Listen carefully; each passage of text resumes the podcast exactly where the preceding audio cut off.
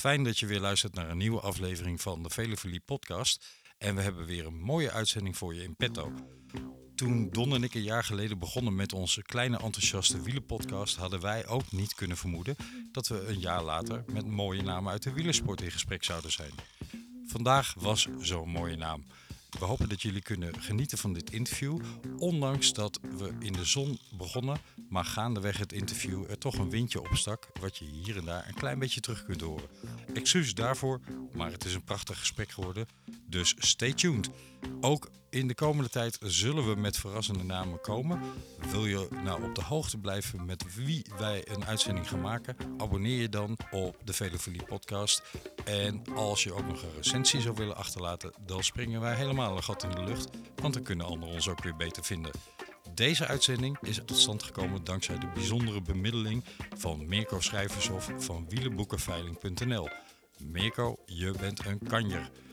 Tot zover deze huishoudelijke mededeling en geniet van onze aflevering.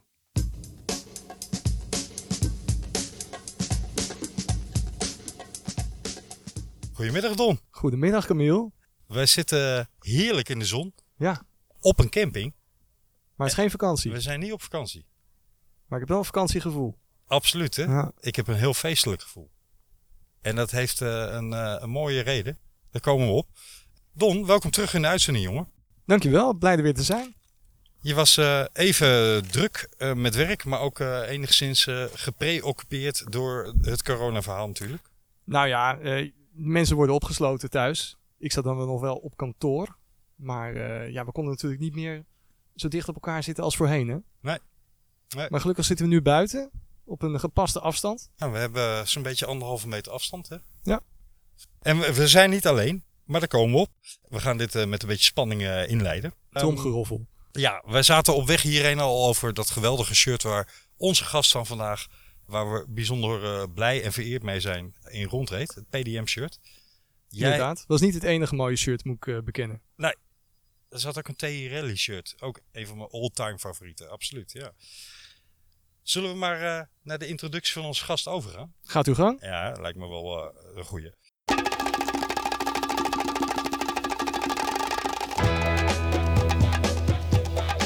De Velefilie Podcast.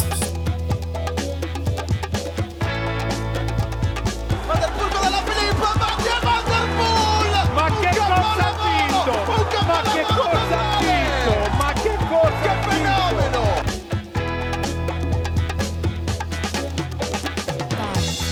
four, three, two, one. Welcome. Dat onze gast van vandaag de Tour niet heeft gewonnen, is eigenlijk met één woord uit te leggen. Pro-benicide. Zo heet het goedje dat Juan Carlos, op dat moment de koning van Spanje, deed besluiten zich met de Tour van 1988 te bemoeien. En dankzij dat diplomatieke tussen aanhalingstekens ingrijpen, prijkt nog steeds de naam van Pedro Delgado op de glorielijst van de Tour. Natuurlijk hakt het ontbreken van een tourwinst erin op iemands erelijst, maar er blijft genoeg moois over. Twee keer Nederlands kampioen, tweede op het WK, winnaar van Alpe d'Huez, winnaar van de bolletjestrui, winnaar van het combinatieklassement, winnaar van een machtige klimtijdrit in de Tour en winnaar van de Amstel zijn er maar een paar van. Bovenal was onze gast een constante in de jaren 80 en begin jaren 90 in het internationale wielrennen. Altijd goed voor ereplaatsen, altijd een bedreiging voor alle toppers. Kortom, deze man is een grootheid uit het vaderlandse cyclisme. En dat begon met een daverende knal in 1983. Luik Luik. Bastenaken- Bastenaken Luik. Ja, welkom Steven Rooks. Goedemiddag. Goedemiddag. Ja, Wat ongelooflijk fijn dat we hier mogen zitten. uiteraard. Ja, we, we hebben het weer mee, hè? Ja, Fantastisch om eventjes buiten te genieten in het zonnetje. ik eh, vertelde Don in de auto op weg hierheen eh, hoe ik heb genoten als, als eh, ja, jong jochie van jouw eh, carrière. Ja. En aan de buis gekluisterd heb gezeten. Midden jaren 80, eind jaren 80. En eh, dat ging van het voorjaar tot het najaar. Want je was een absolute allrounder. En je Ja. deed overal mee om, eh, om de prijzen. Ja, vroeger was dat natuurlijk meer zo als tegenwoordige tijd. Hè? Dan was het gewoon van eh, A tot Z. deed je alle koersen mee en probeerde je ook alle koersen goed te zijn. Ja. Ja, zowel het eh, voorjaar als het tussenperiode de Tour. andere rondes des, desnoods, maar ook het najaar. Ja. Ja, tegenwoordig er- worden er wat meer keuzes gemaakt. En, eh, Het Ik denk slimmer. van nu. ik denk ook Ja. wel slimmer. Hè. Wij weer, eh, wij, eh, uitgemolken wil ik niet zeggen, maar als je zoveel kilometers hebt getraind, zoveel wedstrijden hebt gereden, dan eh, ja, ben je op een gegeven moment wel een beetje aan, aan je labyrinth eh, van een seizoen. Ja. En dat jaar in jaar uit, eh, dat, dat kost natuurlijk enorm veel kracht en energie. En eh, het is ook zo dat, eh, dat je nu eh, meer gericht, ja, als je zegt van nou, ik ben een klassieke renner, prima, oké. Ja. dan, eh, dan kies je daarvoor. Mag je de rest van het jaar ook Eh, afhaken. Ja, dan mag je andere wedstrijden laten, laten vieren. Ja. Als je daar ook dan maar de successen bij eh, kan behalen. En dat is, ja, dat, ik, ik zit nu een beetje in een soort twijfel eh, eh, waarvan ik denk van, was ik nou een betere klassieker renner of kon ik beter in de rondes eh, actief zijn? Nou ja, als je, dus- als je dus- officieel dus de in Tour had moeten winnen, dan... ja, eh, nee, da- dat snap ik. Maar ik ben als renner eh, zeg maar groot geworden in de klassiekers. Eh, als je Luik Bastenaken Luik wint op 22 jaar leeftijd, dat, dan zegt het al iets. Ja, absoluut, absoluut. Ik wil even beginnen bij het allereerste begin. Hoe gaat het met je? Goed, Ja. hartstikke, ja. Je ziet er eh, super fit en, Ik heb en eh, gezond uit. Ja, ik ben eh, gelukkig maar in deze tijd. Hè, in de coronaperiode zijn we gelukkig nog niet, hebben we geen last van gehad. Nee. En hopelijk gaan we die ook niet krijgen. Je weet het natuurlijk maar nooit, maar we zijn redelijk beschermd bezig, om het zo maar te zeggen. Maar ja, weet je, ik heb, ik, ik heb het goed naar mijn zin. Ik heb eh, een vriendin en een dochter en eh, ja, we zijn eh, met z'n allen blij en, en gelukkig. Je hebt een, een, een jonge dochter, hè? 11 of 12? Elf jaar, Ja. elf jaar net Dat, geworden. dat, Ja. betekent dat je op dit moment ook thuisonderwijs aan het geven bent. Om de dag, of, of soms wel, soms niet. Mijn vriendin is ook thuis, want die is, zit in de sport en visio. Eh, zowel fysiotherapeut, maar ook sport, sportbegeleiding in de sportschool. Oké. is natuurlijk ook gesloten. Dus die maken wel eh, intern eh, videoopnames voor YouTube en eh, die kunnen ze dan aan de klanten sturen. Ja. En anderzijds eh, is ze dan thuis en eh, ja, kunnen wij onze dochter, eh, zeg maar, eh, van informatie vanuit de school die we krijgen, eh, proberen haar bij te staan. En een beetje, ja, een beetje erop te letten dat in ieder geval dat het niet vakantie is. Ja. Hè? Laat ik maar zeggen. Want, Dat is eh, best lastig, zijn heel hè? erg Ja. makkelijk. We hebben net een trampoline in de tuin geplaatst, dus eh, Aha. Dat is heel interessant om Ja. daar de hele tijd op te springen. Ja, helpt het ook niet dat het steeds ook mooi weer is. Ja, nee, eh, ze wil natuurlijk alleen maar naar buiten. En dat is natuurlijk helemaal prima. En er zijn natuurlijk heel veel vriendinnetjes in de regio die eh, zoiets hebben van, eh, daar wil ik ook wel eventjes op. Dus wat dat betreft, eh in enerzijds is het een hele goede set, want ze- als je ziet wat ze erop kan, dat is fantastisch. Ja. Maar ja, de school gaat, het is klas 7, dus een belangrijk jaar. Met de, met de keuzes die, eh, die volgend jaar gaan eh, plaatsvinden. Ja. Dus je moet wel even zorgen dat je eerst je huiswerk en eh, de, de informatie wat je van school hebt gekregen, dat dat eh, Ja. af is. En dan mag je... Ja, Gel- gelukkig nog doen. geen groep 8, hè? Want dat, die, Nee. dat is helemaal lastig. nou ja, Dat, gelukkig. Misschien is nu wel juist een periode dat je heel erg veel zelfdiscipline leert. Je wel bovenop zitten, Ja, moet ik zeggen. Maar goed, de ene heeft het denk ik beter dan de ander. Ik snap het ook wel. Het is, ik zou zelf volgens mij vroeger ook zo hebben gereageerd. Ja, je, de school is niet, dus eh, ik, doe, ik doe de dingen die ik leuk vind ik, vandaag. ik hè? wilde net vragen, lijkt ze, lijkt ze op de vader of op de moeder? Ja, alle, allebei een beetje natuurlijk. Maar Ja. eh, er, zitten, er zitten wel wat dingen waar, waar ik me in herken. Dat klopt, ja. Ja. Ja. Maar goed, dat, is- dat is enerzijds mooi. Anderzijds eh, denk ik, oei, oei, oei. wat gaan we allemaal nog krijgen? Ja. de puberteit. Maar ja, weet je, wat je zei, groep 8 is. de, de, de voordeel van groep 8 nu is dat de, de scholen zijn al bekend waar ze naartoe gaan. Ja. Dus die hebben eigenlijk al die, die, die doorlooptijd gehad. En voor ons is het nu heel belangrijk dat zij selectief goed haar, eh, haar huiswerk maakt. Ja. Waardoor ze straks uiteindelijk wel de juiste school eh, toegewezen krijgt. Ja, precies. Ja, ik, ik kan me van mijn eh, schoolcarrière, om het maar zo te noemen, herinneren. Dat ik tot het laatste moment zo weinig mogelijk deed. En dan hard Mhm. ging werken. Maar dan zou je nu dus de klos zijn. Want Ja. al, alle resultaten tot nu toe tellen. En nu wordt er niet meer getoetst. Waarom Nee. komt me dit eh, zo bekend voor, Camille? Ja. Ik, ik denk dat wij eh, elkaar daar de handen kunnen schudden. Ja, Ja, nee, klopt ja. Ja, maar we zitten hier op jouw, eh, jouw heerlijke camping, Steven. Ehm, hier eh, West-Friesland. Ja, West-Friesland. Oud-Karspel. Uit Kaspel, ja. Bungalowpark uit Kaspel. Ja. is niet van mij, overigens. Ik ben, eh, misschien word ik mede-aandeelhouder, maar op dit moment is het van Frank Vermil. Dat is een vriend van mij al heel lang. Ja. En die eh, deed dat samen met zijn neef. En die is spijtig genoeg op hele jonge leeftijd vorig jaar overleden. En daarna ben ik eigenlijk een beetje gaan helpen. En eh, van helpen werd het helpen, helpen, helpen. En uiteindelijk ben ik er nu dagelijks mee bezig. Dus ja, leuk en interessant. En we kunnen nog heel veel ontplooien de, zeg maar de handen gebruiken om uiteindelijk eh, hier een heel mooie camping van te maken. En we zijn druk bezig daarmee en eh, we gaan de goede kant op. Mag, ik- mag ik een, eh, een cliché vraag stellen? Je bent natuurlijk als wielrenner altijd buiten geweest. Trekt dat je hier op een camping dan ook weer in aan? Dat buiten zijn? Of heeft dat er echt niks mee te Ja, maken? dat sowieso. Hè. Misschien een klein beetje, maar het is niet zo dat, dat het. dat, ik was vroeger al een buitenmens. Ja. Maar ik denk dat het meer komt door de arbeid die je moet verrichten. Eh, ik heb vroeger ook alles aangepakt wat, eh, wat, wat ik kon. En waarvan ik dacht van ja, als ik het niet kan, ga ik het gewoon proberen. Ja. En eh, daardoor ben ik redelijk handig geworden. Ik heb heel, heel veel facetten van bedrijfsleven gedaan. En dat kan ik hier gewoon heel goed gebruiken. En ik denk dat het gewoon aanpak is. En te zeggen van riolering, heb ik nog nooit gedaan. Nou, gaan we het toch gewoon proberen. Ja. Hup, eh, een gat in de grond, een buis erin en aansluiten. En, eh, nou, dat is met gaslicht en water. Dat Wat kan er misgaan, hè? Nou ja, kan, er kan soms wel wat misgaan. maar goed, we, eh, Frank is zelf ook handig. Dus we zijn met z'n tweeën eh, eigenlijk eh, het eh, hetzelfde initiatieven, dezelfde ideeën. Ja, dat vult elkaar goed aan en dan eh, kom je een heel eind. Ja, dan heb je niet zoveel mensen meer nodig. En natuurlijk is het mooi als je dat combi- kan combineren met andere partijen om, het, eh, ja, om, het, eh, om de visie eh, zeg maar, eh, ja, neer te zetten zoals wij eh, dat voor ogen zien. je begon al even over, over ehm, jouw jeugd. Mhm. Ehm, Ik heb gelezen dat je heel veel aan sport hebt gedaan. Van voetbalkeeper tot tennis tot eh, zwemmen, meen ik. Alles, hè? alles heel kort. Ja. Eh, wat bracht je aan het fietsen? Want je bent laat begonnen, hè? 18 jaar was je Ja. toen je begon. Ja, klopt. Ik, eigenlijk was ik een zwemmer, want ik woonde in Friesland, in Dokkum. Daar ben ik eigenlijk opgegroeid. Ik ben daar niet geboren, maar ik ben er wel heel snel naartoe verhuisd. En toen was ik een hele goede zwemmer.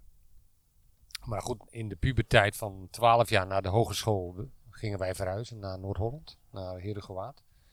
Ja, en ineens is het, ik ken niemand, eh, wat ga ik doen? Eh, nou, school was al heel moeilijk.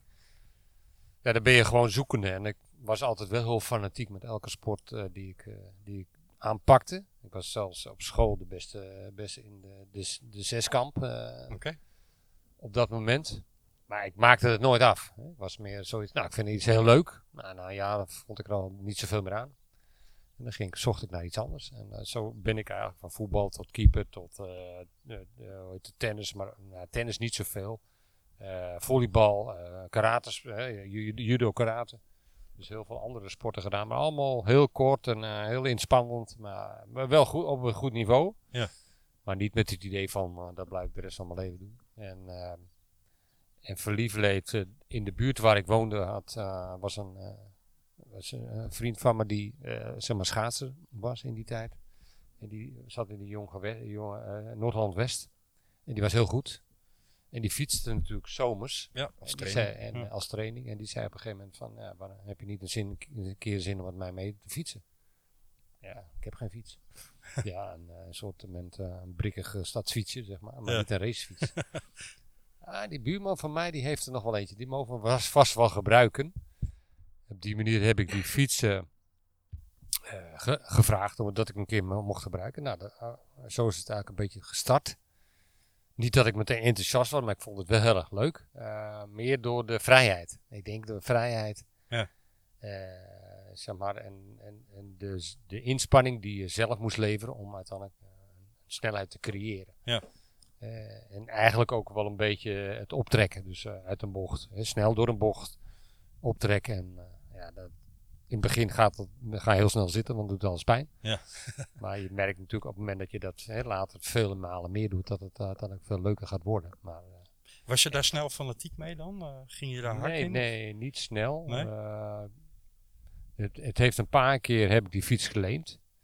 En op een gegeven moment begon ik, begon, was het gevoel van hij is een topsporter. Hij was eigenlijk wel een topsporter. Ik was het totaal niet, want ik rookte. Volgens mij ro ik was net gestopt met roken. Maar ik, ik zoop nog wel lekker bier in de weekend. Ja. Was, dat was nog wel lekker, ja. vond ik. Dus, dus mijn conditie was natuurlijk helemaal drie keer niks. Nee. En uh, van hem was was natuurlijk top. En, uh, en hij kon mij daar niet afkrijgen. Dus, dus dat, dat, dat triggerde mij een beetje. En nou, ja, in een blind heb ik op een gegeven moment gezegd: nou, ik, mijn brommer die ga ik verkopen. Dat levert geld op. En van dat geld koop ik een racefiets. En uh, zo, dat heb ik toen gedaan. Wat een keuze. Ja. Je brommer te verkopen. Ja. Ja, ja. ja goed, op een gegeven moment moest hij toch, hè, want uh, rijbewijs. Uh, Ik, ik had mijn rijbewijs heel snel gehaald. Dus, eh, dus wat dat betreft, ik denk, ja, die brommer staat ook eigenlijk een beetje wel in de weg. En ik ga nu met, mijn auto van mijn, eh, met de auto van mijn vader op pad. Maar je was toen een jaar of van 18, toen was je die brommer een beetje ontgroeid. Eigenlijk wel, ja. En weet je nog wat dat was, die eerste racefiets? Ja, dat was een Giant. Een Kogamiata. Nee, sorry. Een Kogamiata Flyer? Of? eh Gent Racer. Ah ja, oké. Daarom zei ik Giant, maar ik bedoelde Gent Racer. Dat waren hele Ja. goede fietsen. Absoluut. Ja. Geel, verschrikkelijke kleur, maar goed. Ja, voorbode. ja, maar ja. Ja. We waren toen nog niet zoveel eh, grote wielerzaken in, in de regio. En ik ben toen naar Piet Slikker gegaan. Eh, overigens eh, had hij een hele mooie winkel later in Gewaard. En, eh, en die man zat ook in de schaatsen bij de, wielen, bij de schaatsbaan in Alkmaar. En daar heb ik hem vandaan gehaald. Oké. Ja. En toen ging het best hard, want vier Ja, nou het begin niet, want ik was, dan had je de dikke bandenwedstrijden. Die Ja. ging dan allemaal rijden in de regio, zeg maar hier in Noord-Holland. En ik was, trainde nog te weinig. Ik zat wel in de kopgroep gelijk, maar na vijf ronden was ik natuurlijk eh, was ik op. Ja. Of had ik kramp, of eh, Ja. deed alles pijn en eh, was ik gelost. dus op een gegeven moment kwam Herengewaard, hè, waar ik woonde. Had ook een dikke bandenwedstrijd. Toen dacht ik van ja, daar moet ik eigenlijk een beetje meer voor trainen. En kijken of ik in de kopgroep zou, of dat ik in ieder geval in de voorste groep zou kunnen eindigen. Ja. Ja, dat. En dat lukte. En ik werd zesde.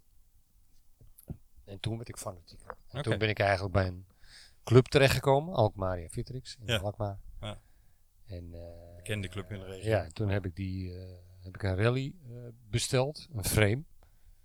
En eh Campiolo natuurlijk moest op, de, op die fiets. Dus allemaal Campiolo onderdelen Was niet los gekocht. Nee, Ja. was zeker niet. Maar ja, goed, ik had nog wel wat spaarcentjes over. want Ik werkte in de zomermaanden altijd op het land bij een boer. Ja. En eh, ik werkte toen ook in de bouw, halve dagen. Oké. Ik begon in de bouw te werken, halve dagen, 210 woningen in Huiswaard. En daar, eh, weet je, dus ik was om één uur klaar en dan fietste ik naar huis en dan ging ik nog een paar uur trainen. En die Nou, fiets die nou, zette je zelf in elkaar? Die heb ik helemaal zelf in elkaar gezet. Ja, zo alles, eh, spaken, wielen, naven, alles zelf gedaan. Ja. Ik heb zo'n zo'n zo'n bordje thuis, eh Campiolo spoken hier. Ja. Ik heb er altijd met Don ook eh, goede discussies over, Shimano of Campiolo. Ja. Eh, wat, weet je nog wat voor groep je had? Een record. Ja, Ja. oké. Ja. Ja, dat kost inderdaad een lieve Ja, dat kostte geld. Ja. ja. het was natuurlijk wel... eh, Het was Fantastische assen Het summum. Ja, ja Dat absoluut. moest je wel hebben. Dus, eh, dus eh, het frame, eh, goed als je hem eh, los koopt, dan dat is tegenwoordig ook nog, als je een beetje puzzelt, kun je natuurlijk nog redelijk goedkoop overal aan je onderdeeltjes komen. Dat was Ja. toen ook wel een beetje zo. Ja. En ja, je moet het zelf in elkaar zetten. Ik dacht zo, als ik brommer, die kon ik, eh, krijtelbrommer, die kon ik helemaal uit elkaar halen. Alle schroefjes en boutjes kreeg ik hem ook weer helemaal in elkaar. Ja, dan lukt de Ik race heb, ook. ben ook automonteur eigenlijk van mijn beroep. Dus, dus een racefiets was op dat moment ook een appeltje eitje. Ja. Alleen, maar ik vond het ook interessant. Ja. Om te weten waar je mee eh, op weg bent. eh, ja, moet je wel weten wat er aan de hand is. Ja, de En- afstelling luistert heel nauw soms. Hè? Zeker toen. Ja. Ja, vooral met die kogeltjes, losse kogeltjes. Ja. En, de balhoofd en uh, Ja. lage systemen. En het Spaken, weet spaken je wel. voor je eh, wielen, Ja, ja. spaken voor je wielen. Ja, Ja. precies. Ja. Met die eh, ronde sleuteltjes alles eh, Ja. een beetje op spanning Ja. brengen. Goed, weet, Nou, als je wielrenner wil worden op hoog niveau, dan is het denk ik wel belangrijk dat je weet eh, wat, eh, wat is, eh, waar, eh, waar zit je op en eh, wat kan dat met je doen en wat zijn de effect, effecten. dat was vroeger ook wel bij de meeste clubs eh, onderdeel van, van eh, je training, zeg maar. Dat je ook echt Opleiding, techni- soort ja. Ja, dat je technische kennis van je fiets had. Ja. Wa- Wat was het moment dat jij je begon te realiseren van, eh, ik kan hier wel wat van? Meer ja, op, de, op de club, zeg maar. Eh, maar ook door de, eh, zeg maar de trainer op de club. Ted Rood was de trainer van, van de club. En die zei op een gegeven moment van ja, je moet een licentie nemen. Ja. Nou goed, een licentie betekent dat je landelijke wedstrijden kan doen. Want ik reed eigenlijk alleen nog maar op de club. Ja. Nou, ik won op een gegeven moment een rondje voor, twee rondjes voor, drie rondjes voor. Allemaal jongens die al jaren lid waren en al jaren met de fietssport bezig waren. Die, die klopte ik allemaal dik, Ja. makkelijk. En dus op die manier ben ik toen, eh, heb ik toen een licentie genomen. In 79, ja, was 78. Nee, 78 niet. Ik denk 79. Als, ju- als junior, tweedejaars junior.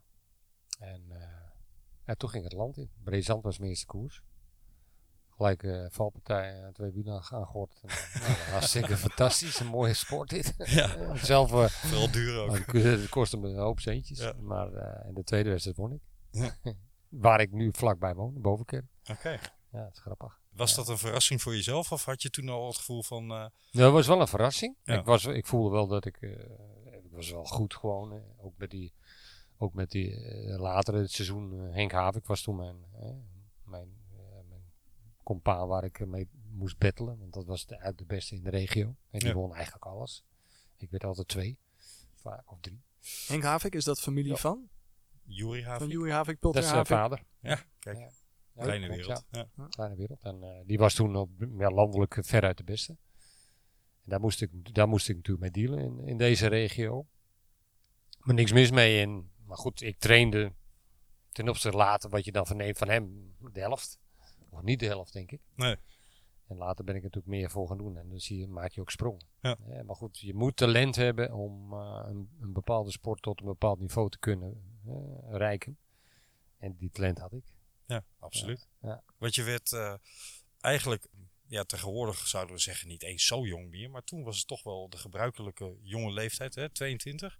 Werd je opgepikt door, door de grote Peter Post, T. Rally Ja, was toen, nog, was ik 21. Ja. Dat je tekende. Ehm, Ja.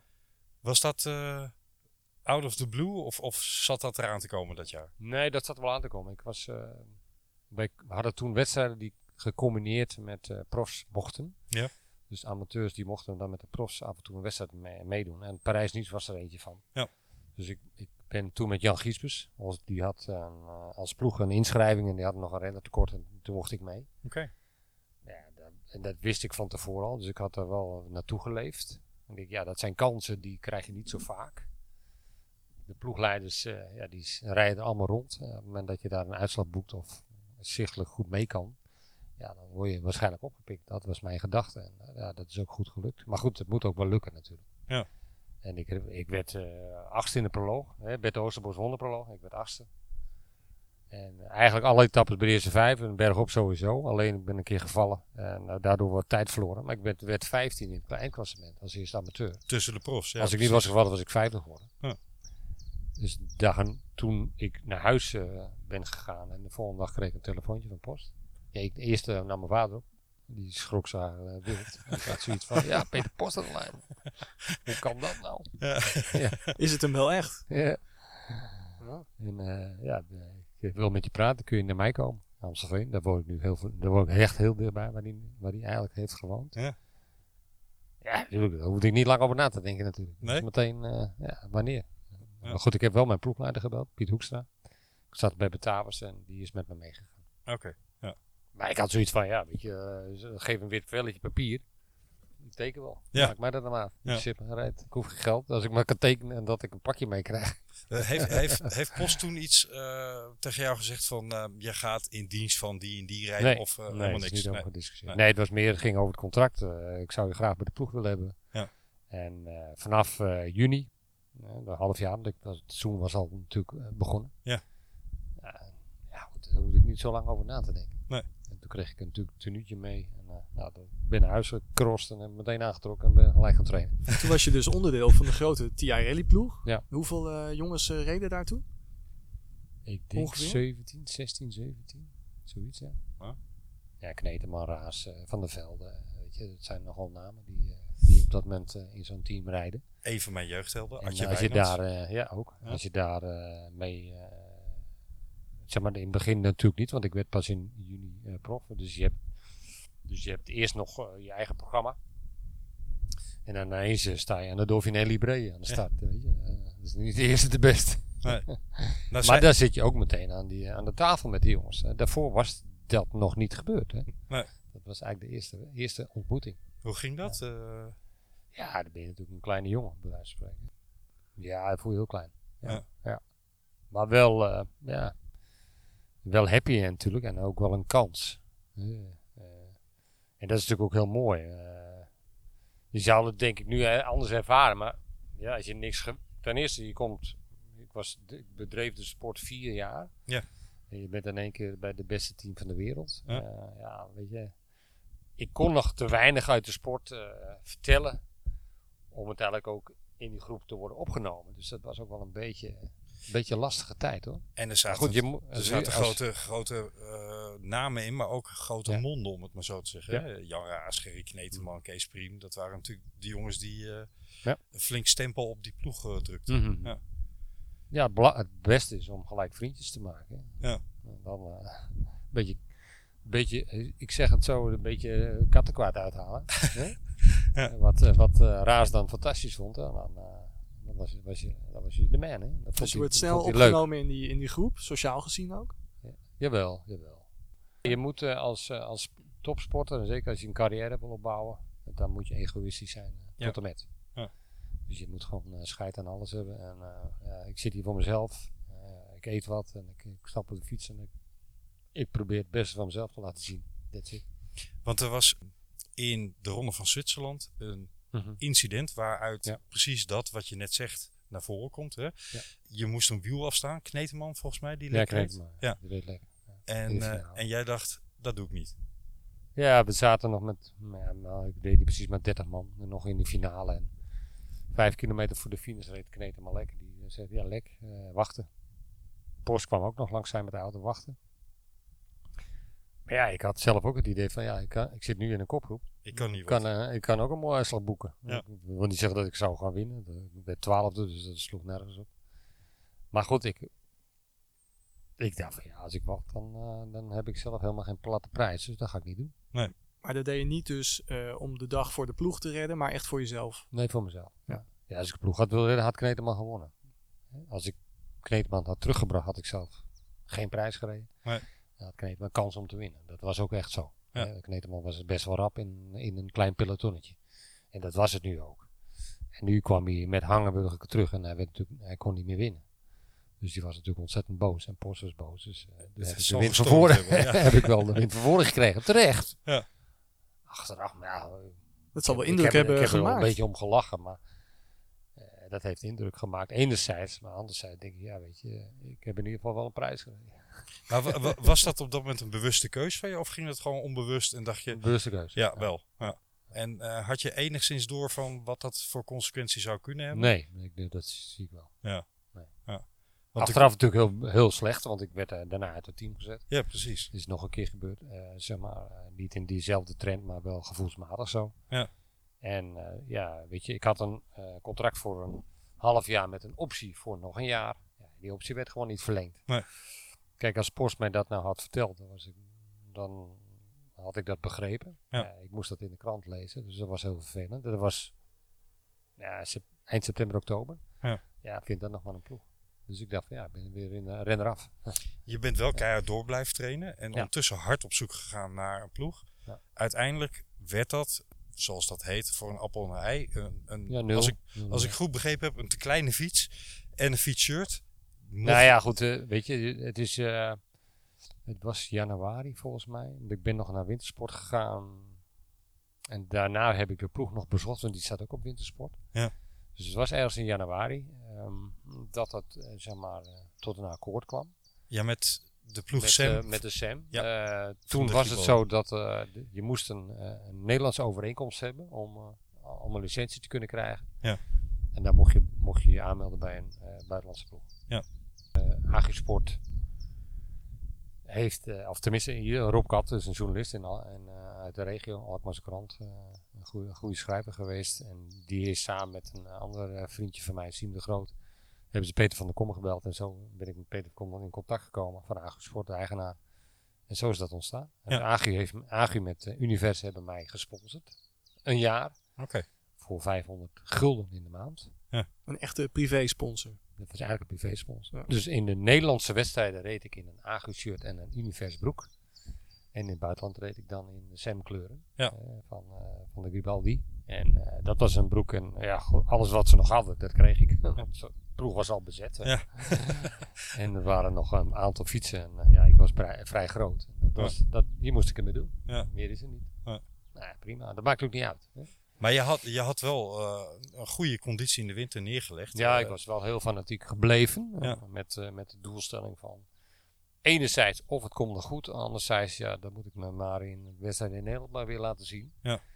Dat ik bij een andere ploeg weer word opgepikt. Maar je was wel Ja. vastbesloten om je wielercarrière echt op, op poten te zetten. Dat was net begonnen. Dus zou natuurlijk zonde Ja. zijn. eh, ondanks dat ik hele goede uitslagen had geboekt al, ook bij rally. eh, en ook wel voelde dat ik daar een kans eh, in het métier zou kunnen, ma- eh, kunnen krijgen. Alleen, ja, het was een beetje kort dag.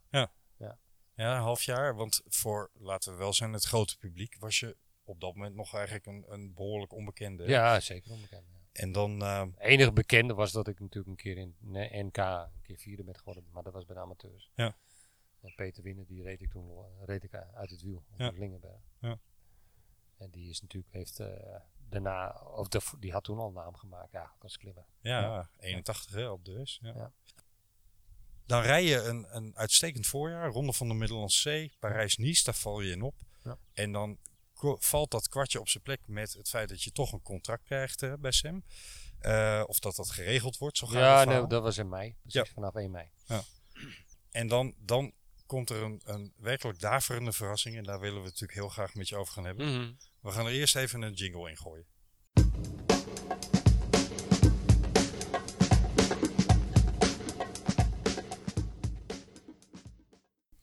Ja, want dan, dan we hebben, we, laat ik het even inleiden. We hebben dan een, een, een prachtig Nederlands wielerjaar te pakken. Jan Raas wint de Ronde van Vlaanderen. We hebben wereldkampioen Saronni in Milaanse Remo zien zegevieren. Ehm, Leo van Vliet, de huidige koersdirecteur van de Amstel Gold, die wint Gent-Wevelgem.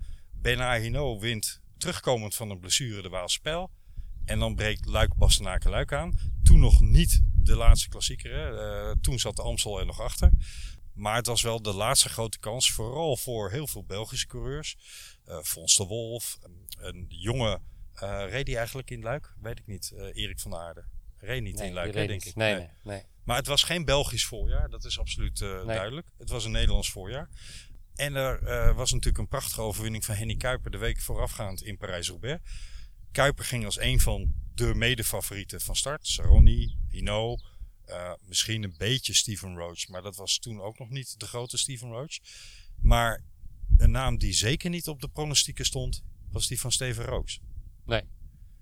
Ook niet voor mezelf hoor. Nee hè? nee, zeker niet. Ik had wel een goed voorjaar, wat je ook al vertelde.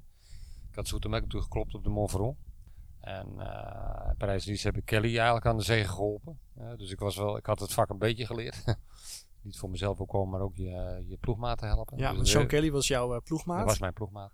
Had, je, had je daar een eh, goede band mee? Ja, heel goede band. Ja, vanaf de start eigenlijk. Dus ik, alles, vooral de Belgische wedstrijden, dan reed ik naar België, naar uh, Kelly's in huis. Want die woonden mijn mensen in. Ja. En dan gingen wij samen naar de wedstrijden toe. Ja. En dat deden we nu niet, niet in Luik, Luik uiteraard niet, want Kelly was gevallen in Gent-Wevelgem, had zijn sleutelbeen gebroken. Ja.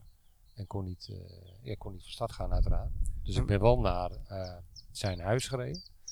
En ben daar door de ploegleider opgehaald. En zo zijn we samen naar, eh, naar Luik gereden. En was wie jij ging bij- er als kopman van start? Ja, dat wil ik net vragen. Bij het ontbreken van Kelly. Ja, er op? kopman, eh, wordt- daar werd niet, eh, daar wordt niet over gesproken. Nee, je had geen beschermde rol of iets. Nee, want ik had natuurlijk nog. Ik, alle klassiekers die ik. Ik heb ze allemaal gedaan. Ja. Dat was, dat was al, eigenlijk allemaal de eerste keer. Ja. want ik had nog geen klassieker gereden. En Waalse Pijl reed ik heel sterk. Alleen daar eh, reed ik lek onderaan de, aan de muur. Dat Ja. was natuurlijk niet zo'n mooi punt om een lek te rijden. Nee. dus toen ben ik eigenlijk direct om. eh, toen was het eh, geen haalbare kaart meer. Toen, toen ben ik eigenlijk omge- omgedraaid en teruggekeerd. Maar ik voelde wel dat ik, eh, dat ik nog steeds wel de vorm had die ik in Parijs ook wel had. Ja. Weet je, alleen, het kwam er, het kwam, ik, kreeg de, ik kreeg de kans niet. En eh, ik wil niet zeggen dat dat in Luik, maar, dat had in Luik ook kunnen gebeuren. Alleen, ja, je moet gewoon heel eh, attent zijn. Dat was ik in andere wedstrijden ook continu. En eh, zoiets, ja, zo had ik Luik ook ingedeeld. Ik zeg, ja, alle beklimmingen, daar moet ik proberen als eerste te beginnen. Of in ieder geval bij de eerste vijf. Dan heb ik overzicht. Ik weet wie er goed zijn, wie de kansen, wie de kansen zullen maken. Ja, daar fixeer ik me op. En eh, dan zie ik wel. En, ik, en Lara Doet was de scherprechter altijd. Ja. Daarvoor al. Ik heb wel Kom, kom ik zo op als je het goed vindt, Ja, Steven. ja. Eh, reed Briek Schotten in Luik ook als, als jouw directeur Die sportief? was uh, ploegleider. ja. Hoe, hoe was dat? Briek Schotten, de grote Flandrien. Hè? De, Ja, was natuurlijk een heel klein gebogen mannetje. Ja. En eh Briek was ja, gewoon een heel aardige man. En heeft natuurlijk een wereldcarrière opgebouwd als wielrenner. Maar was natuurlijk niet een, een spreker. Zeg maar, hij, ik heb het vak niet van hem geleerd, laat ik het zo maar zeggen. maar dat, geeft, dat hoeft ook niet. Het is meer dat als er vragen zijn, kun je die stellen. En dan zou je daar een antwoord op krijgen. Maar het was niet een, had niet een, een koerstactiek uitgestippeld of dit gaan we zo en zo aanpakken. Nee. Puur van, eh, eh, we zaten aan tafel en eh, als de soep gegeten moest worden, dan stak Briek zijn handen op. Want dat vond hij heel lekker. Ja, maar wa- was jij als, Dus- als jonge coureur onder de indruk van die naam of helemaal niet? Ja, ik heb, ik heb zijn palmarès natuurlijk gevolgd en gezien. En, Ja. en dan, vind je, dan, dan ben je alleen maar, vind je het alleen maar heel mooi dat zo'n man nog steeds binnen de wielersport eh, eh, toch een, held is, zeker in het Belgische land. Ja. Weet je, dat, was, dat, dat kon je wel merken. Ja. Maar als persoon was er natuurlijk niet zo'n grote connectie. Nee, je had er niets aan qua parcourskennis opdoen Niks, of zoiets. Nee, 0,0. nee, ja. Helaas niet. Ja. Maar ja, goed, dat geeft niet.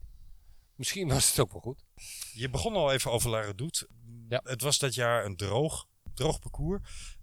Men zegt, er werd niet zo heel hard gereden in de aanloop. Ik kan het niet ontdekken, moet ik je bekennen op de beelden. Het gaat hard genoeg volgens mij. In ieder geval had Bernard Hinault er zin in, want die trok op La Redoute even fors door. Ja. En daar brak een heel peloton. Er reden op dat moment twee man vooruit. Wielman hè? en Ja. Regis Claire. ja, eh, een Fransman en een Noor. Ja. En toen geeft Steven Roach zijn eerste snok aan. En jij reed... was al bovenop, hè? dat was naast, naast Primont toe. En jij, ik zie jou ook de hele tijd bij de eerste tien al rijden. Ja, ja. Ehm, je was heel attent. Had je daar, was je zo zelfverzekerd? Had je daar het gevoel van, ik ga hier iets kunnen betekenen? Nou, mijn doelstelling was om La Redoute in ieder geval bij de eerste vijf, eerste tien omhoog te rijden. En dan, ik zeg, daar valt meestal de beslissing. Ja. Maar goed, dat, dat viel nog mee. Het viel niet, er viel wel een beslissing, maar het was nog niet een vier, vijf, zes renners. Het was, het was echt nog wel een grotere groep. En toen we boven kwamen en uiteindelijk naar rechts afdraaiden, dan krijg je naar, de weg naar Sprimont toe. En toen demereerde Steven Roods. En ja, wij, zat ik aan de buitenkant, dus ik kon eigenlijk meteen meespringen. Dus dat heb ik ook meteen gedaan. En eh, we zijn met z'n tweeën eh, doorgereden. En eh, de beklimming op de Sprimont, want dat is, het is niet eens een beklimming, want het is gewoon een weg in een dorp. Ja. Dat loopt dan vals omhoog. En toen merkte ik al dat Roods heel veel moeite had eh, om mij bij te houden. Je zat met overschot, zoals dat Dus ik zat, ja. eh, dus, dus, ah, maar goed, je hebt elkaar wel nodig. Dus ik heb hem, eh, hem er wel bij betrokken. Om alleen daar al verder te gaan, vond ik nog wel heel eh, gewaagd. Ja. Enerzijds. En er waren nog twee eh, voorop. Dus, en, en de wedstrijd was nog. Dat was nog. eh, 40 kilometer. Nee, het was nog eh 20, 25 denk ik. 20, 25. Want op de, als je op de voorste boven was, was het nog 15 kilometer. Ja. Dus het was nog, eh, ik denk 22 kilometer of zo. Ja. Dus het was best nog, fun- best nog een lap. En we kregen natuurlijk de voorste nog. En eh, de gat, gat was nog niet zo groot ten opzichte van de achtervolgers. Ja, want jullie voorsprong was toen rond een minuut. Nee, dat Minder. is nooit geweest. Maar, maar Toen wij die 2-1 haalden, zeg maar, op de, vlak voor de 45. voorste was dat. was Ja. vlak voor de voorste. En ik heb maximaal op een bord gezien, maar dat, toen was ik al alleen. Dat was, was 35 seconden. We komen zo over terug op jouw eh, versnelling op, eh, op eh, de Forge. Ehm, daarnaast wil ik eigenlijk iets anders vragen. Het feit dat wij hier nu aan tafel zitten en dat je ja, he- heerlijk verhalen over de koers vertelt, dat heeft ook wel zijn, zijn oorsprong, hè? zijn geschiedenis in jou. Ik las een interview met je waarin je zei, je hebt een ingrijpende gebeurtenis in je leven nodig gehad om tot een realisatie over jezelf te komen en daarmee aan de slag te gaan. Wil je daar iets over vertellen? Ja, dat, is ook waar. Dat heb ik wel meerdere keren zeg maar, naar buiten gebracht. Eh, als je natuurlijk eh, een bepaalde opvoeding eh, zeg maar, krijgt, wat niet negatief is uiteraard. Dat is uiteindelijk je vader en moeder die dat hebben, en zo hebben gezien en zo hebben gedacht, zo moet het gaan. Ja. Alleen ja, je bent zelf dan misschien wel een buitenbeentje. Maar anderzijds kom je dan in een situatie terecht dat je ja, niet je eigen keuzes meer. Je maakt je eigen keuzes wel in de sport, maar niet in, het, eh, zeg maar in, het, in, de, in de gespreksstoffen die Ja. op dat moment gehanteerd worden. Komt ook een beetje doordat eh, als je natuurlijk succes hebt, dan word je uiteindelijk door het succes altijd benaderd. Je krijgt, nooit een, je krijgt niet de gouden mogelijkheid om uiteindelijk een interview eh, of een, in een gesprek uiteindelijk een, een tegenvraag te stellen. Nee. Dat gebeurt te weinig. Je bent echt een BN'er. eh, Ben je eigenlijk, ja. ja. dat gaat heel snel, omdat je 22 bent. Je bent net met de sport begonnen en je bent eigenlijk al, eh, iedereen wil, eh, wil iets van je weten. Ja.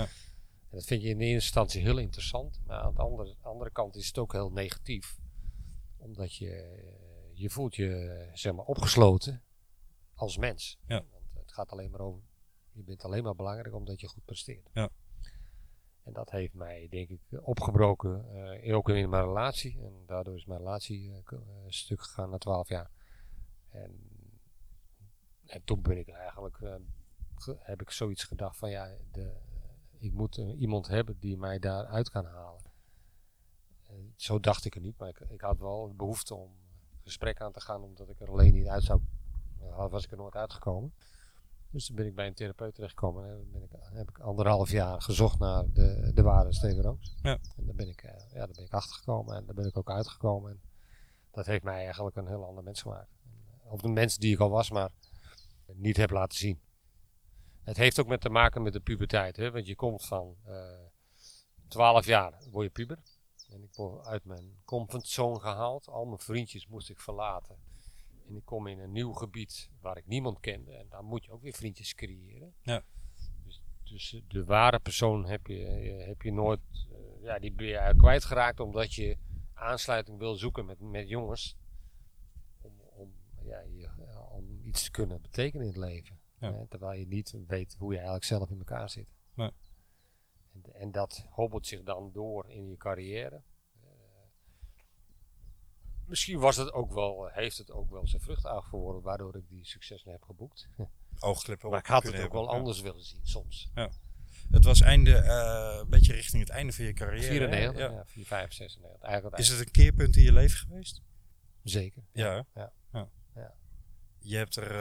eh, Ja, gewoon. En ik had, ik had 96 echt nog wel een jaartje doorgewild. Ik had ook wel het idee van ik ben veel vrijer en weet veel nadrukkelijker wat ik wel en niet wil. Alleen, ja, weet je, ik vind dan maar. eh eh, Raas was eh, met Rabobank begonnen. Ja. En ik was bij Raas weggegaan. Want hij wou me heel graag houden op het moment dat Buckler stopte met sponsoring. Heeft hij heel lang moeten zoeken om weer een sponsor te kunnen vinden. Gelukkig heeft hij die gevonden. Ja. Alleen, ja, ik had daar niet zoveel zin meer in. En toen ben ik eigenlijk, z- zijn we niet goed uit elkaar gegaan. Ja, dat is hij niet vergeten. Nee. Hij dacht van ja, ik, ik heb helemaal geen zin in jou. Nee, Nee. jammer. En bij Priem hield het. eh, Was het, was het op. ja, Ja, was stond. dat is ook niet erg. Nee. Maar ik had ze, ik- als hij zes, als hij Raas mij een kans had, had hij nooit spijt gekregen, dat weet ik zeker. Theoretisch vraag natuurlijk, maar stel dat je eh, het bezoek van, van eh, die therapeut een jaar of twee, drie eerder had gehad in je carrière. Nou, liefst het begin van carrière. was het ja, oké. Maar, was het, Maar- was het dan anders gelopen, denk je? Ja. Ja. Was er nog meer succes uitgekomen. En die erelijst is al zo mooi. Is, is, niks, is niks mis mee. Is ook, eh, weet je, maar ook de, ook de verandering in de periode hè, eh, 90 daarna Ja. is er heel veel gebeurd. Hè, in het wielrennen. Maar eh, in de medische begeleiding. Ja, Om er maar eentje te noemen. Eh, Daar wil ik niet eh, te veel over doorvoeren. Maar dat heeft wel een bepaalde invloed gehad over heel veel renners. Ja. Maar ik bedoel, als je veel meer van jezelf weet. Hoe je in elkaar zit. Ga je ook veel meer uit je leven halen dan, eh, dan als, je dat niet, echt, als je daar niet achter bent. Dat is, dat is hetgene waar, ja, dat, waarvan ik zeker wist. Als me dat eerder zou gebeurd zijn, dan had ik nog wel een aantal klassiekers gewonnen. Ik heb je ook wel eh, laten eh, of zien optekenen in een interview dat je zei: Ik wist dat ik een bepaalde dosis talent had waarmee ik altijd, ook al had ik iets minder goed getraind in een periode, toch weer vrij snel op niveau kon zijn. Heeft dat ook invloed gehad? Zou dat anders geweest zijn als je eerder over jezelf die meer inzicht had gekregen? Dat je dat anders had gedaan, denk je? Ja, enerzijds wel, maar het is ook meer de, de, zeg maar de gevoel van ik ben de beste vandaag. Eh, en dat, dat had ik niet altijd door. Nee. Of dat, daar ging ik te makkelijk mee om. Want je las de koers heel goed. Je wist Ja. wel altijd, daar gaat het gebeuren. Ja, en en toch- begin, dat is heel gek. Ik weet niet waarom. en toch werd je wel eens verrast dan eh, nog door de ontwikkeling. ja, niet wetende dat je op dat moment eh, nog een tandje bij moet steken om iemand echt pijn te doen. Was dat een, een, een soort zelfonderschatting van jezelf? Ja, omdat je ziet het niet. Nee. Je ziet niet wat er, eh, je zit iemand in je wiel, of twee of drie. Eh, en, maar je weet niet hoe moeilijk ze het hebben. Is ook Je onderdeel hebt, van je het hebt een spelletje. idee, maar dat is onderdeel Ja. van het spelletje. Ja. Ja. Dus afzakken, bam, afzakken, nog een keer. En die, die overtuiging van eh, het willen winnen, wat Van de Poel wel heeft, hè? Ja. Mathieu heeft dat geweldig. Ja, dat zat er bij mij op dat moment te weinig in. En daardoor laat je je dan verrassen en word je twee of drie of vier. Ook niet, ook niet verkeerd. Ja, ik, had, ik heb blijkbaar zijn luik luik één keer gewonnen, maar ik had wel vijf keer kunnen winnen. Ja, zeker. Je zat er in ieder geval, eh, ik zo denk wel zijn tien er nog- jaar dichtbij. Zo zijn er nog Ja. wel een aantal wedstrijden Maar heb je, heb je een idee hoe dat kwam? Dat, dat je Ja, dat, je heeft had? ook met het, het heeft ook met de opvoeding te maken. Ja. En ook met eh, hoe, je in- hoe je, zeg maar... eh, Je ontplooit. Nou, ontplooit sowieso, maar ook dat je luistert naar mensen. Hoe, hoe sneller je luistert naar een, eh, naar een persoon die ook eh, kennis van zaken heeft, hoe, ma- hoe meer je daar eh, zeg maar, vertrouwt in, in. Het is een communicatie eh, die ontbreekt, om, om- omdat je het zelf niet alleen. Je denkt dat je het alleen kan, maar dat kan niet. Maar in die tijd werd je, Je hebt je natuurlijk hulp helemaal niet begeleid daarin. Nee, totaal niet. Het was zelfs taboe, hè, min of meer. Ja. Nou ja, je had misschien je soigneur waar je mee kon, eh, kon praten. Ja. Maar daar Ja. bleef het denk ik bij. Nee, sport, Psycholoog. psycholoog. Nee, maar ook een trainer op bewijs of een andere persoon die, waar je in gelooft. eh, eh, vaak eh, als iemand tegen je aan lult, zeg maar, van zo en zo moet je doen en eh, je bent de beste. En dan denk ik, hij was ik niet zo. Weet je, dan sloeg ik dat heel snel naast me neer. Ik weet het allemaal wel, prima, maar eh, Maar dan hielp, zien, dan hielp het je. ook niet dat je Jan Raas en Peter Post als, als ploegleiders had. Hè? Want Nee, dat waren nee. zelf ook niet van die Nee. grote communicators. nou ja, eh, Post was wel een communicator, maar voor zichzelf. Ja, precies. Ja. Echt een hardleider toch? Ja, Ja. dat is echt een hard, eh, Jan Gispers was wel heel anders. stond, drie, eh, die stond drie treden hoger bij wijze van spreken. Ja, Jezus was wel op dezelfde level. Daar kon je alles wel mee bespreken. Ja. Die luisterde meer naar ons dan andersom bij wijze van spreken. Maar Ja. goed, dat is ook, dat is ook, al, dat is ook niet altijd goed. Hè. Nee. Het gaat erom dat je het beste eh, uit de ploeg en jezelf wil halen. En eh, dat kun je zelf, maar dat, dat is ook mooi als iemand anders jou daar ook nog een, eh, een duwtje mee in je rug geeft. Dat heb je nodig. En als je dat niet, als je dat niet accepteert of niet meeneemt in, in de prestatie die op dat moment moet gebeuren, ja, dan kom je misschien net iets tekort. Dat is net En die niet- 1 procent. Dat is net, en dat is niet slecht. Maar als, dat meer, als ik dat meer had toegelaten, ja, dan was het veel beter geweest. eigenlijk. Maar goed, weet je, dat is niet zo. En, eh, moet je niet maar het, het is mooi om eh, dat wel, mocht het nog een keer zo zijn, om dat door te kunnen geven. Wij, eh, wij, wij keken naar de beelden van jou in Luik Bastenaak, Luik 83. En wij vroegen ons af, je hebt of armstukken aan of je hebt een shirt onder je semtrui. In ieder geval lange mouwen. Dat weet ik niet meer. Dat zou kunnen, dat waren denk ik armstukken. Ik zat er naar te kijken en ik, zat, ik zag dat alle grote namen die achter jou aanreden in, de, in de achtervolging, die hadden allemaal korte mouwtjes.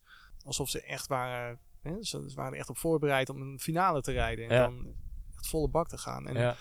ehm, ik voel me af of dat een, een, een signaal was dat jij misschien niet het gevoel had van tevoren. Toen je je kleding bij elkaar zocht van vandaag wordt mijn dag. Ja, zo simpel was het. Nee, het zijn armstukjes. ja. Het zijn zwarte armstukjes. Ja. Die heb je aan. En ja, niet eh, in me opgekomen om die uiteindelijk op te stropen. Dat kan Op dat moment niet, maar eh, ik was, normaal deed ik dat wel snel. Maar, Was je in eh trance in die finale toen je alleen reed?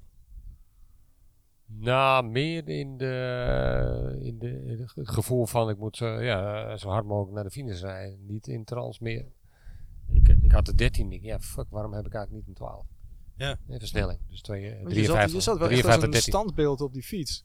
Ja, ja, maar een draaide wel heel, heel, brrr, heel Ja. snel. Maar ik wou ook nog sneller, maar dat ging niet. Ook omdat ik een grotere versnelling had. Was Maar- dat ook, eh, lag dat ook aan je voorbereiding, die, eh, die versnelling? Had je een verkeerde Ja, versnelling keuze, gestoken? dus de keuze die je moet maken, daar ben je natuurlijk nog onervaren in enerzijds. Je kent de wedstrijd natuurlijk helemaal niet, dat was de eerste keer. Ja. Hè, daar, eh, dat is later natuurlijk nog wel een paar keer voorgekomen. Ook eh, het WK in Chambéry, dat Le Mans wint. Ja. Ja. word ik vier. Was Ja. ik eigenlijk de beste van de wedstrijd. In de sprint In de sprint ja. eh, reed, hij, reed hij 12 Ja. en wij hadden 13. Ja, maar die dag, ik hè? zag je in die finale en je zat op een gegeven moment zelfs, eh, het zag er een beetje oncomfortabel uit. Dus dat je te stuiteren op je... Ja, meer door de souplesse en door de snelheid. Ja. Ja. Het, is, het loopt natuurlijk naar beneden. Hè. Die weg loopt langzaam naar beneden met bochtjes. Dus, dus die snelheid is enorm hoog. Alleen ja, je had het idee van, nou, eigenlijk had ik eh, nog harder gekund. Of, ge- die power was er wel, alleen het kon niet. Want hoe, hoe kwam je aan die souplesse? Was dat een kwestie van trainen of had je dat van jezelf? Dat heb ik voor mezelf. Ja. Want vroeger deed je, ik train nog licht. Ja. Nog altijd. terwijl je toch uit een tijdperk van, eh, van het zware stoempen komt. Hè? Ja, kan het, eh, ja, ja, klopt. Ja. Eh, Le eh, Ja. Hino, al die jongens reden natuurlijk een grote plaat. Ja. Dat kon ik ook wel, maar souplesse is denk ik altijd de basis geweest. Ook, eh, ook op de, ik ben, Alkmaar had een wielenbaan, dus ik ben ook op de baan. eh, Dat wilde ik actief- net vragen. Heb je ook inderdaad op actief, de baan eh, eh, actief gefietst? ben ik daar ook geweest, dus daar, daar leer je ook wel met souplesse rijden, met een bepaalde versnelling. Ja. En dat heb ik altijd, 's winters ook, had ik 48, 18 vast verzet, want daar reed ik mee rond. Ja. Dus, dus dat is altijd wel ingebleven. Je rijdt eh, op, de, op de Col de Force weg bij Wilman en dan eh, Steven Roach. Mhm. Ehm, het is eigenlijk een beetje sluipende wijze. Hè? Het is Ja. geen demarrage. Nee, Je schakelt wat op en je versnelt. Ja. En dan kom je alleen vooruit te zitten.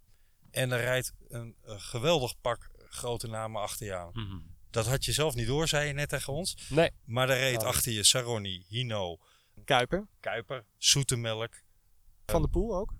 Van der Poel ook, ja, Anderson, eh Lubberding. Miller. Ja. Ja, noem het maar op, wie er allemaal eh, bij waren. Mhm. Ehm, en daar werd serieus op inspanning achter je aangejaagd. Mhm.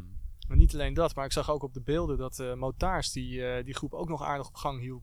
Ja. Af en toe. Nou, die hebben mij ook wel even een beetje geholpen. Maar Ah, was, op het moment dat ik wegreed, want dat was ik ook niet gewend. Nee. Dus op het moment dat ik eh, een tand bijstook en eh, de jongens uit het wiel reed, toen eh, kwamen in één keer die fotograaf met motorhuis voor me. En Ja. er werden werden natuurlijk foto's, shots genomen, want dat zijn natuurlijk de shots. Hè. Ja. Toen dacht van, nou wat is dit? Dat is lekker. Dat is makkelijk, want het werd meegeschoten. Ja, ze reden echt een meter of twee voor je. Ja, dat was echt bizar. Wat mij enorm opviel, eh, los van dat je eh, uiteraard het heel knap volhield, eh, Mhm. maar is dat je ook geen seconde omkijkt. Niet één moment. Nee, bij, dat heb ik niet gedaan. volgens Nee. mij. Nee, geen één keer. Was dat omdat je vol vertrouwen had in, in of ben je gewoon blind, eh, zoals ehm, Jan-Willem van Schip tegenwoordig zou zeggen. Moet hij dat ook weer? Hardcore junkie stijl of zo? Ja, vol erin gaan, eh, op kop boren. Was dat het? Ja, Vol nee, erin? dat is het. eh, je moet natuurlijk zo hard mogelijk naar de finish. Of tenminste, je hebt een bepaalde voorsprong. Ja. En eh, op een gegeven moment komt er dan zo'n mortaar voorbij met een bord en daar staat dan de voorsprong op. Eh, 35 seconden en een paar nummers. Maar ja, die nummers wist ik natuurlijk niet, Nee. wie dat waren. Nee. En eh, de enige informatie die, je- die je zou kunnen krijgen is van de ploegleider. Maar die Brie Schotten was natuurlijk wel een be- beoogd eh, fantastische renner. Maar uh, autorijden kon hij niet. Nee. Dus die durfde, die durfde, niet, die durfde niet langs de, Nee. de rest van de, ploeg, de, de renners. En dat heeft, dat heeft hij toch op een gegeven moment voor elkaar gekregen. Met zijn 504 Peugeotje. En eh, het raam ging open. En ga goed. En dat was het enige wat hij zei. nou, daar kon ik niks mee. en dat wist ik ook wel. Ja. Dus ik reed, ja, weet je. Dus je gaat eh, je, je eentje op de voorsprong borden. En op een gegeven moment reed ik luik in. Was het denk ik nog vier kilometer, nog niet eens. Het was negen seconden. Ik fuck. Dus ik kom er toch dichtbij. Eh, en ik, maar ik wist niet wie dat waren. Nee. Dus eh, ja, zoals ja, bocht in, eh, eh, een tunnel onderdoor. Ja. En op een gegeven moment kom je op de boulevard. En dan moest je nog een En draaien. dan moest je nog een draai maken. En toen heb ik ze pas voor het eerst gezien. Maar ook niet wie het waren. Nee. Ik, zeg, ik zag renners. Denk, nou, mijn voorsprong is nog voldoende om de finish te halen. Ja. En Ja, was je is- daar zeker? Ja, daar was ik wel zeker. Ja. Dus ook in 10 seconden heb ik, het- heb ik dat ook volbracht. Maar. Ja. Dus ik heb ook niks meer verloren in de laatste vier kilometer. En dan, eh, dan rij je over de meet. Je, je juicht met eh, je armen in de lucht. Ja. Ja, ongeveer de hele wielerwereld is eh, in, in licht katzwijm gevallen. Want wie heeft daar nu ineens gewonnen? Ja, dat, eh, Steven Rooks. ja. Klopt. Ehm, en toch zie ik jou op een beeld na afloop eh, op televisie. Je wordt opgevangen door je verzorger. Ja. En je bent ongelooflijk kalm. Ja, dat klopt. Het was eh, wat ik al zei. Ik had eigenlijk was het mijn tweede profzege. Dus het, hè, de Middellandse Zee dan eh, voor zoetermelk. En, en dit was mijn tweede zege. Dus eh, het was voor mij een zege. Het was niet een, een monument. Zo voelde dat nog niet. eh, Nee. zeg maar. Eh, je bent eh, denk ik te kort nog in het métier om, eh, om dit te zien als een, als een grote koers. En wat het uiteindelijk wel is. Ja, en, zeker. eh, dat heb ik pas de volgende dag een beetje ervaren en ontdekt. En aan, de- aan, de, aan de, ja, de berichten die ik kreeg. En, eh, telefoontjes en telegrammen, zeg maar. Ja. En toen besefte je wel van, ja, fuck, ik heb toch wel wat groots gewonnen. Ja. ja op dat moment niet. Het was Nee? gewoon een overwinning. Ja. Ja, Ja, zo rij je ook echt over de, over de streep. ja. Ja. klopt. Ja. Ja. Is ook zo. Je hebt ook wel eens gezegd eh, in interviews dat het achteraf gezien misschien te vroeg kwam voor je. Hoe denk je daar nu over? Ja, je bent natuurlijk je bent nog heel onervaren. En je bent natuurlijk meteen een soort ja, je wordt weggezet als een ik werd toen weggezet, ja, de tweede merks, of een, een soort merksrenner, weet je. Dus je ja, kreeg meteen zijn een nogal- sterrenstatus. Het zijn nogal wat, eh, wat namen die rondslingeren. En waar, goed, daar ben ik niet zo van onder de indruk geraakt, maar ja, dat gebeurt dus wel. En dat is, ja, dat is natuurlijk eigenlijk een beetje slecht. Hè? Want, want je bent nog maar begonnen en elke wedstrijd is er één. En ja, dat, gelukkig heb ik niet zoveel last van gehad. Maar je had er natuurlijk, je had natuurlijk ook heel anders kunnen lopen, bij spreken. Als je mentaal een beetje wat zwakker zou geweest zijn. Je hebt niet het gevoel gehad dat je altijd tegen dat verwachtingspatroon en die specifieke overwinning hebt aan moeten fietsen. Nee, Nee. nooit. Nee. nooit. Meer dan zoiets van, ja, elke wedstrijd is er één. Ik probeerde nog meer overwinningen te boeken. En het jaar erop zou Luik, Bastenaken, Luik een hele belangrijke wedstrijd voor me worden. Ja. Dat, dat- zo voelde dat wel, maar dat was meer een eigen ingeving. Deze wedstrijd ligt me, Ja. anders kan ik niet winnen. Dus ik wil nog een keertje, nou, in ieder geval nog een keertje heel kort rijden. Maar misschien nog een keertje winnen. En, eh, en plus, eh, een week later was de Amsterdam Gold Race. Ja, daar ben je natuurlijk eigenlijk, ja, boy, ben je de favoriet ineens. Ja. precies. Grote favoriet. Ja. Ja. Als je het goed vindt, Steven, willen we daar ehm, graag nog een keer met je op terugkomen. Want er is nog zoveel prachtigs uit je carrière te, te bespreken. Al is het maar die magistrale tour van 88. Jij, Pedro de Cado, Gertjan Teunissen. Ja.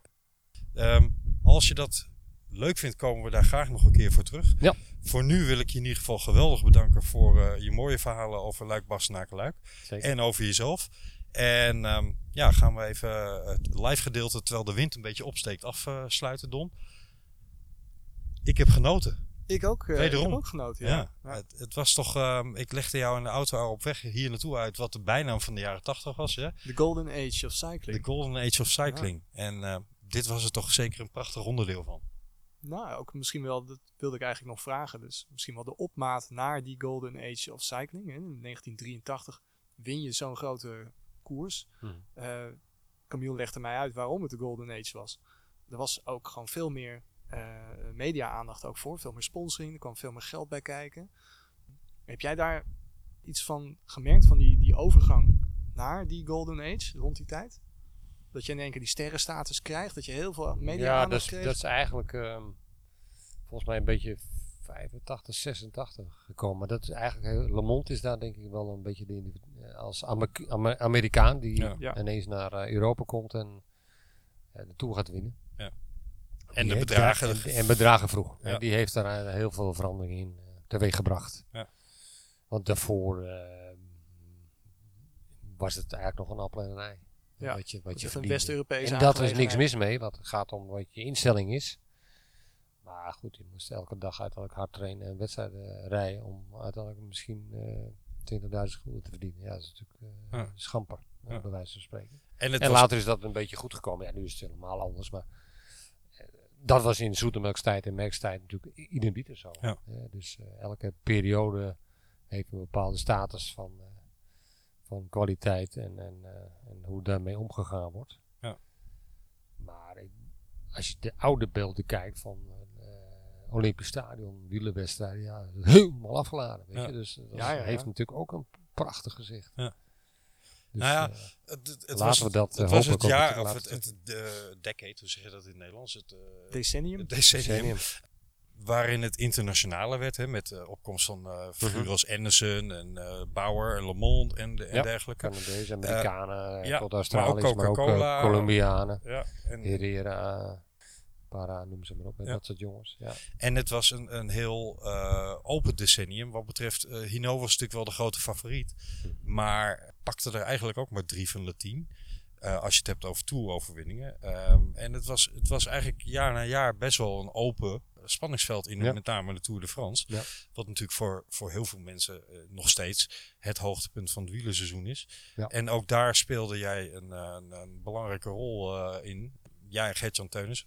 Ik wil het graag ook nog even over... eh, wat- als je het niet erg vindt hoor. Eh, traditie hoor, dat ik drie keer afsluit en dan... Moet je, moet je naar de wc? nee hoor. Oké. Nee, ik wil het nog even vragen, want je bent in de jaren 10, zoals ze dat dan noemen. Hè? 2012 ben jij bij Boels Dolmans eh, ook begonnen. En eh, daarna nog Ja. bij Parkhotel eh, Valkenburg, het dameswielrennen. Ja. Wat eigenlijk nu ook in een soort golden age terecht is gekomen. en, dat, in die jaren stond jij misschien ook al aan de wieg ervan. Ik vroeg me af hoe jij jouw rol daarin toen hebt vervuld. Ja, ik ben toen in contact gekomen met Erwin Jansen, dat eh, de, een van de sponsors, Dolmans.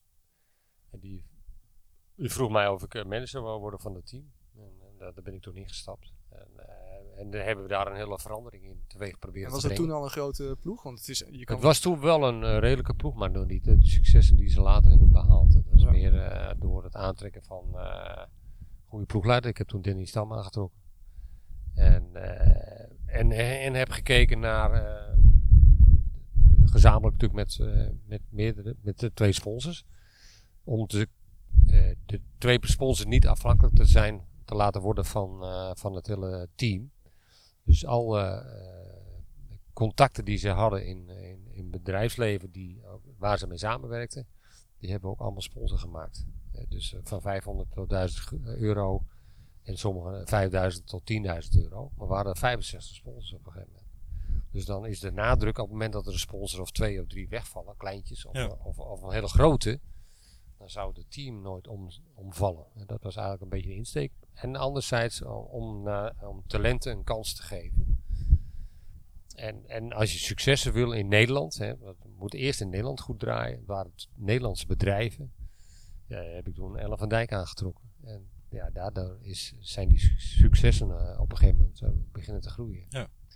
Maar goed, je hebt natuurlijk wel budget nodig. Ja. En de budget, als een grote sponsor het alleen niet aandurft, eh, wel eh, lichtelijk, dan moet je kijken van ja, welke, persoon, welke bedrijven heb je dan wel nodig om uiteindelijk eh, zo'n groot eh, team bij elkaar te, te sprokkelen. Want ja, gel- ik vond de bedragen die de dames kregen, van 100 tot 200 euro in de maand, ja, dat was natuurlijk eigenlijk belachelijk. Ja. Terwijl ze ook keihard trainen en, Ja. en ervoor leven. Ja, dat moest dan een beetje opgekrikt worden. Ja, daar heb je geld nodig. En dat kun je natuurlijk niet van één of twee sponsors verwachten. Maar als je met elkaar kun je dat wel. En was jouw jouw aanwezigheid daar doorslaggevend in? Eh, De naam Steven De Rooks kan naam heeft natuurlijk wel effectief gewerkt door, eh, door de publicitaire waarde. Enerzijds om, om bij, en ik vond het heel leuk om met sponsors eh, een afspraak te maken om te kijken van hoe komen we tot elkaar? Wat voor bedrag heb je dan in je hoofd? Hè? Kunnen we iets betekenen voor dat bedrag met elkaar? Ja. Niet te zeggen van ja, een logo op het shirt kost 50.000 gul- euro. Prima, kom maar op. Ja, zo werkt het niet. Nee. Kijk, wat kunnen ze missen? In eerste instantie misschien heel klein. En later kun je het uitbreiden tot, tot, eh, tot een bepaalde interesse, waardoor het groter wordt. En ze meenemen naar, de, naar een bepaalde koers. Ja. Eh, om te laten ervaren. eh, ten eerste wat ze ervoor doen. En dan in de wedstrijd te laten zien waarvoor ze uiteindelijk sponsor zijn. Dat, dat hebben we toen opgezet. Dus, dus een busje naar de Ronde van Vlaanderen. En met een paar gasten het parcours afcrossen. Met een broodje in de, in de bus en een, eh, drankje in de bus. En eh, zo de koers eh, volgen. Ja. Veel meer betrekken tot eh, niet alleen maar sponsor van Nee. te zijn. En op het shirt, niet eens op het shirt, maar misschien op de website of Veel meer beleving folder daarmee. Ja. meer beleven. En ook proberen te kijken van eh, waarom, Eigenlijk waarom ga je niet een keertje mee? Waarom doen we niet een clinic daar, eh, vol? Hè? Door- Daardoor is clinics ontstaan. Ja. En door de clinics te organiseren, ja, betrek je ook mensen die van die sport houden. Die doe je nog steeds, hè, die clinics. Die Mensen kunnen jou daarvoor eh, Ja. voor benaderen. Ja. Ja. Ja, dat is het leukste om te doen. Mensen die voor het eerst beginnen of misschien een paar jaar bezig zijn om te kijken van ja, waar kan ik ze eh, beter in maken en helpen. Enerzijds eh, met de sport, maar misschien ook anderzijds met het zakelijke gedeelte. Omdat je eerst als individueel, maar ik ben ook team, ik ben ook kopman geweest. Ik heb ook met mensen moeten werken Ja. Die voor mij een bidon gingen houden, voor mij een eh, achterwiel eh, staken om, om mij eh, die- zo, goed en zo, kwaad als het kon mij in die wedstrijd te helpen om mij te laten winnen. Ja, die samenspel, die moet je wel, die moet je ook leren. En dat heb ik natuurlijk ook geleerd. Ja. En dat kun je ook later weer gebruiken in je zakelijk aspect. Dus samenwerken, Ja. ja, dat doen we op de camping ook. Samenwerken, daar kom je heel ver mee. Ja. En dat is denk ik in de topsport hetzelfde. Als je goed samenwerkt met elkaar. Ik denk dat eh, Jumbo, eh, zeg maar Visma, nu daar ook een groot voorbeeld eh, van is geworden vorig jaar. Absoluut. Door, daardoor ontstaan de grote successen. Ja. Het is toch Men- teamsport, hè? Mensen kunnen Ja. jou, eh, jou zijn er bedrijven waar je specifiek op, op mikt? Of zeg je nee, ik ben voor iedereen? eh, nee, voor iedereen. ja. Maar ja, het kan ook individueel. Soms heb ik wel eens van voor een verjaardag bij spreken iemand die, dat, die mijn fan is geweest. En die neemt afscheid van het bedrijf. En dan, word je ook wel eens ingehuurd. bij. Maakt mij niet uit. Ik vind het gewoon heel leuk om... Ten eerste moet ze, enthousi- moet ze van de sport houden, anders word je toch niet uitgenodigd. Nee. En als dat zo is, dan eh, mag, dat, eh, mag dat heel groot zijn. Eh, ik doe ook evenementen. Ik doe een heel groot evenement voor Citizen M. Dat is een grote hotelgroep. Ja, weet je... is, we zijn in Londen begonnen, van Londen naar Parijs, van Parijs naar Rotterdam. En dit jaar hadden we Rotterdam, Rotterdam in onze gedachten. Helaas is dat uitgesteld. Misschien komt het dit jaar wel helemaal niet. Maar dan wordt het volgend jaar. En daar ook nog weer een goed doel aan gekoppeld. Door proberen hè, geld in te zamelen. Ik ben mijn stem kwijt. Dus een- iets in mijn keel geschoten. Door geld te verzamelen. En daar eh, kindjes in een ander land eh, aan de fiets te helpen. Ja. Hoe, mooi, hoe mooi is dat? Ja. Door Zelfs MTN iets Quebec met sport te doen. Dus eigenlijk van de ene plek naar de andere kant fietsen. En iedereen op zijn eigen niveau. En, eh, en dan hebben we 50.000 euro opgehaald. eh, en, en het hotel doet ook in alle hotels nog een medewerking eh, daaraan. Op een gegeven moment hebben we 3,5 ton. En daar kunnen we 1000 fietsen voor inkopen. Nou, die, die hebben we ook geleverd in Zambia. Ja. die, daar rijden nu kinderen, eh merendeel dames, meisjes eigenlijk, die eh, van, de ene, van hun huis naar school fietsen. In plaats van drie uur lopen. Drie uur lopen, Ja. exact. Ja. Ja, prachtig. Dat zijn mooie initiatieven. Kunnen mensen dat nog steeds steunen voor jou? Ja. Ja? Ja. Dan gaan we daar een link van in onze beschrijving opnemen. Ja. We zullen ook de link naar eh, hoe ze jou kunnen benaderen voor eh, seminars, clinics mm, en eventueel eh, speeches opnemen. Ja. We gaan ook even je prachtige camping benoemen, want de kans is natuurlijk groot dat dit jaar vliegen naar de Costa Brava, ik noem maar een dwarsstraat, even niet in gaat zitten in de Nee. zomer. Nee, Dus als je dan toch in eigen land moet niet. blijven. Ik zou zelf ook wel graag naar het buitenland Ja. willen op vakantie. Maar Ja. Maar dan eh, kunnen mensen eventueel op de camping terecht bij jou in de zomer? tot nu toe, eh, ja, we, hebben het, we hebben nog heel veel plaats over. Dus we zijn aan het nadenken om dat eh, positief in te vullen. Als, en, en natuurlijk met, met de regels die, die door de overheid en de RIVM worden bedacht. Ja. Daar moeten we een beetje in gaan voor uitlopen. Maar een camper of een caravan of een tent, ja, dat zouden, zouden wij kwijt kunnen.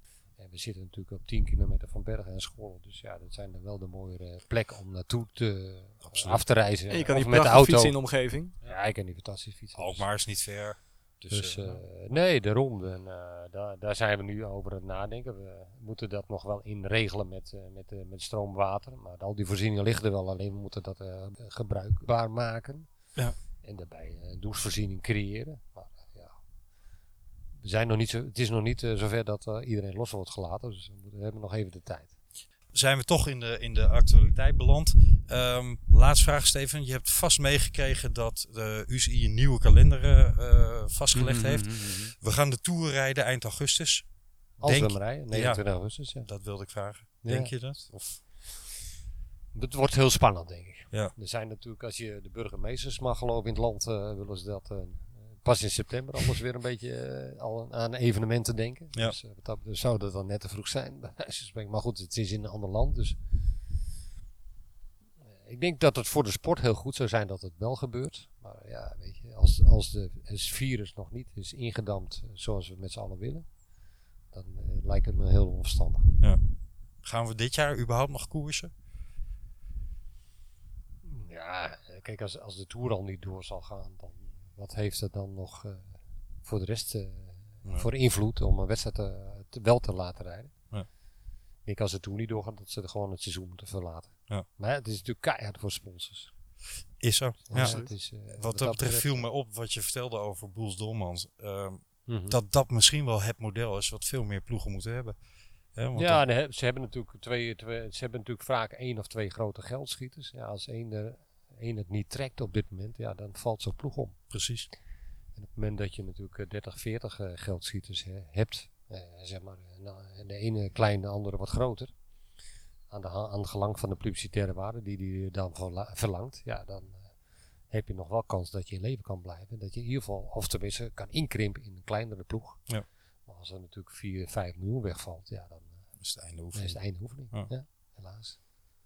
We komen mm, eh, graag binnenkort eh, bij je terug eh, in de aanloop naar de Tour. En eh, dan gaan we, als je dat goed vindt, nog een keer met je zitten. Dan hebben we het over eh, andere mooie elementen uit jouw carrière. Ja. Voor nu, wederom, ik heb het al eerder gezegd, maar wederom hartelijk dank. Graag gedaan. Don, Ook namens mij. en terwijl het toch ietsjes frisser aan het worden is, Zeker. gaan wij deze af- eh, uitzending afsluiten.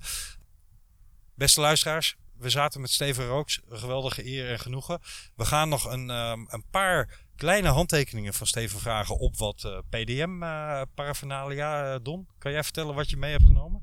Nou, een paar leuke oude shirts van PDN. Ja, precies. En heb je nou belangstelling om zo'n shirt... Nou, nee, vertel jij het maar.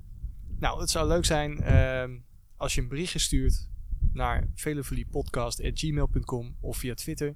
Waarom jij graag een gesigneerd PDM-shirt door Steven Rooks zou willen hebben. Eh, dan gaan wij uit de leukste reacties gaan we er eentje trekken. En dan komt je reactie natuurlijk ook in de uitzending terug. Mits Steven ze natuurlijk wil tekenen.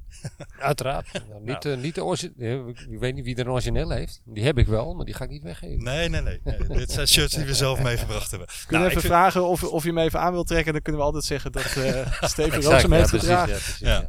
ja. Eh, een mooie actie, Don.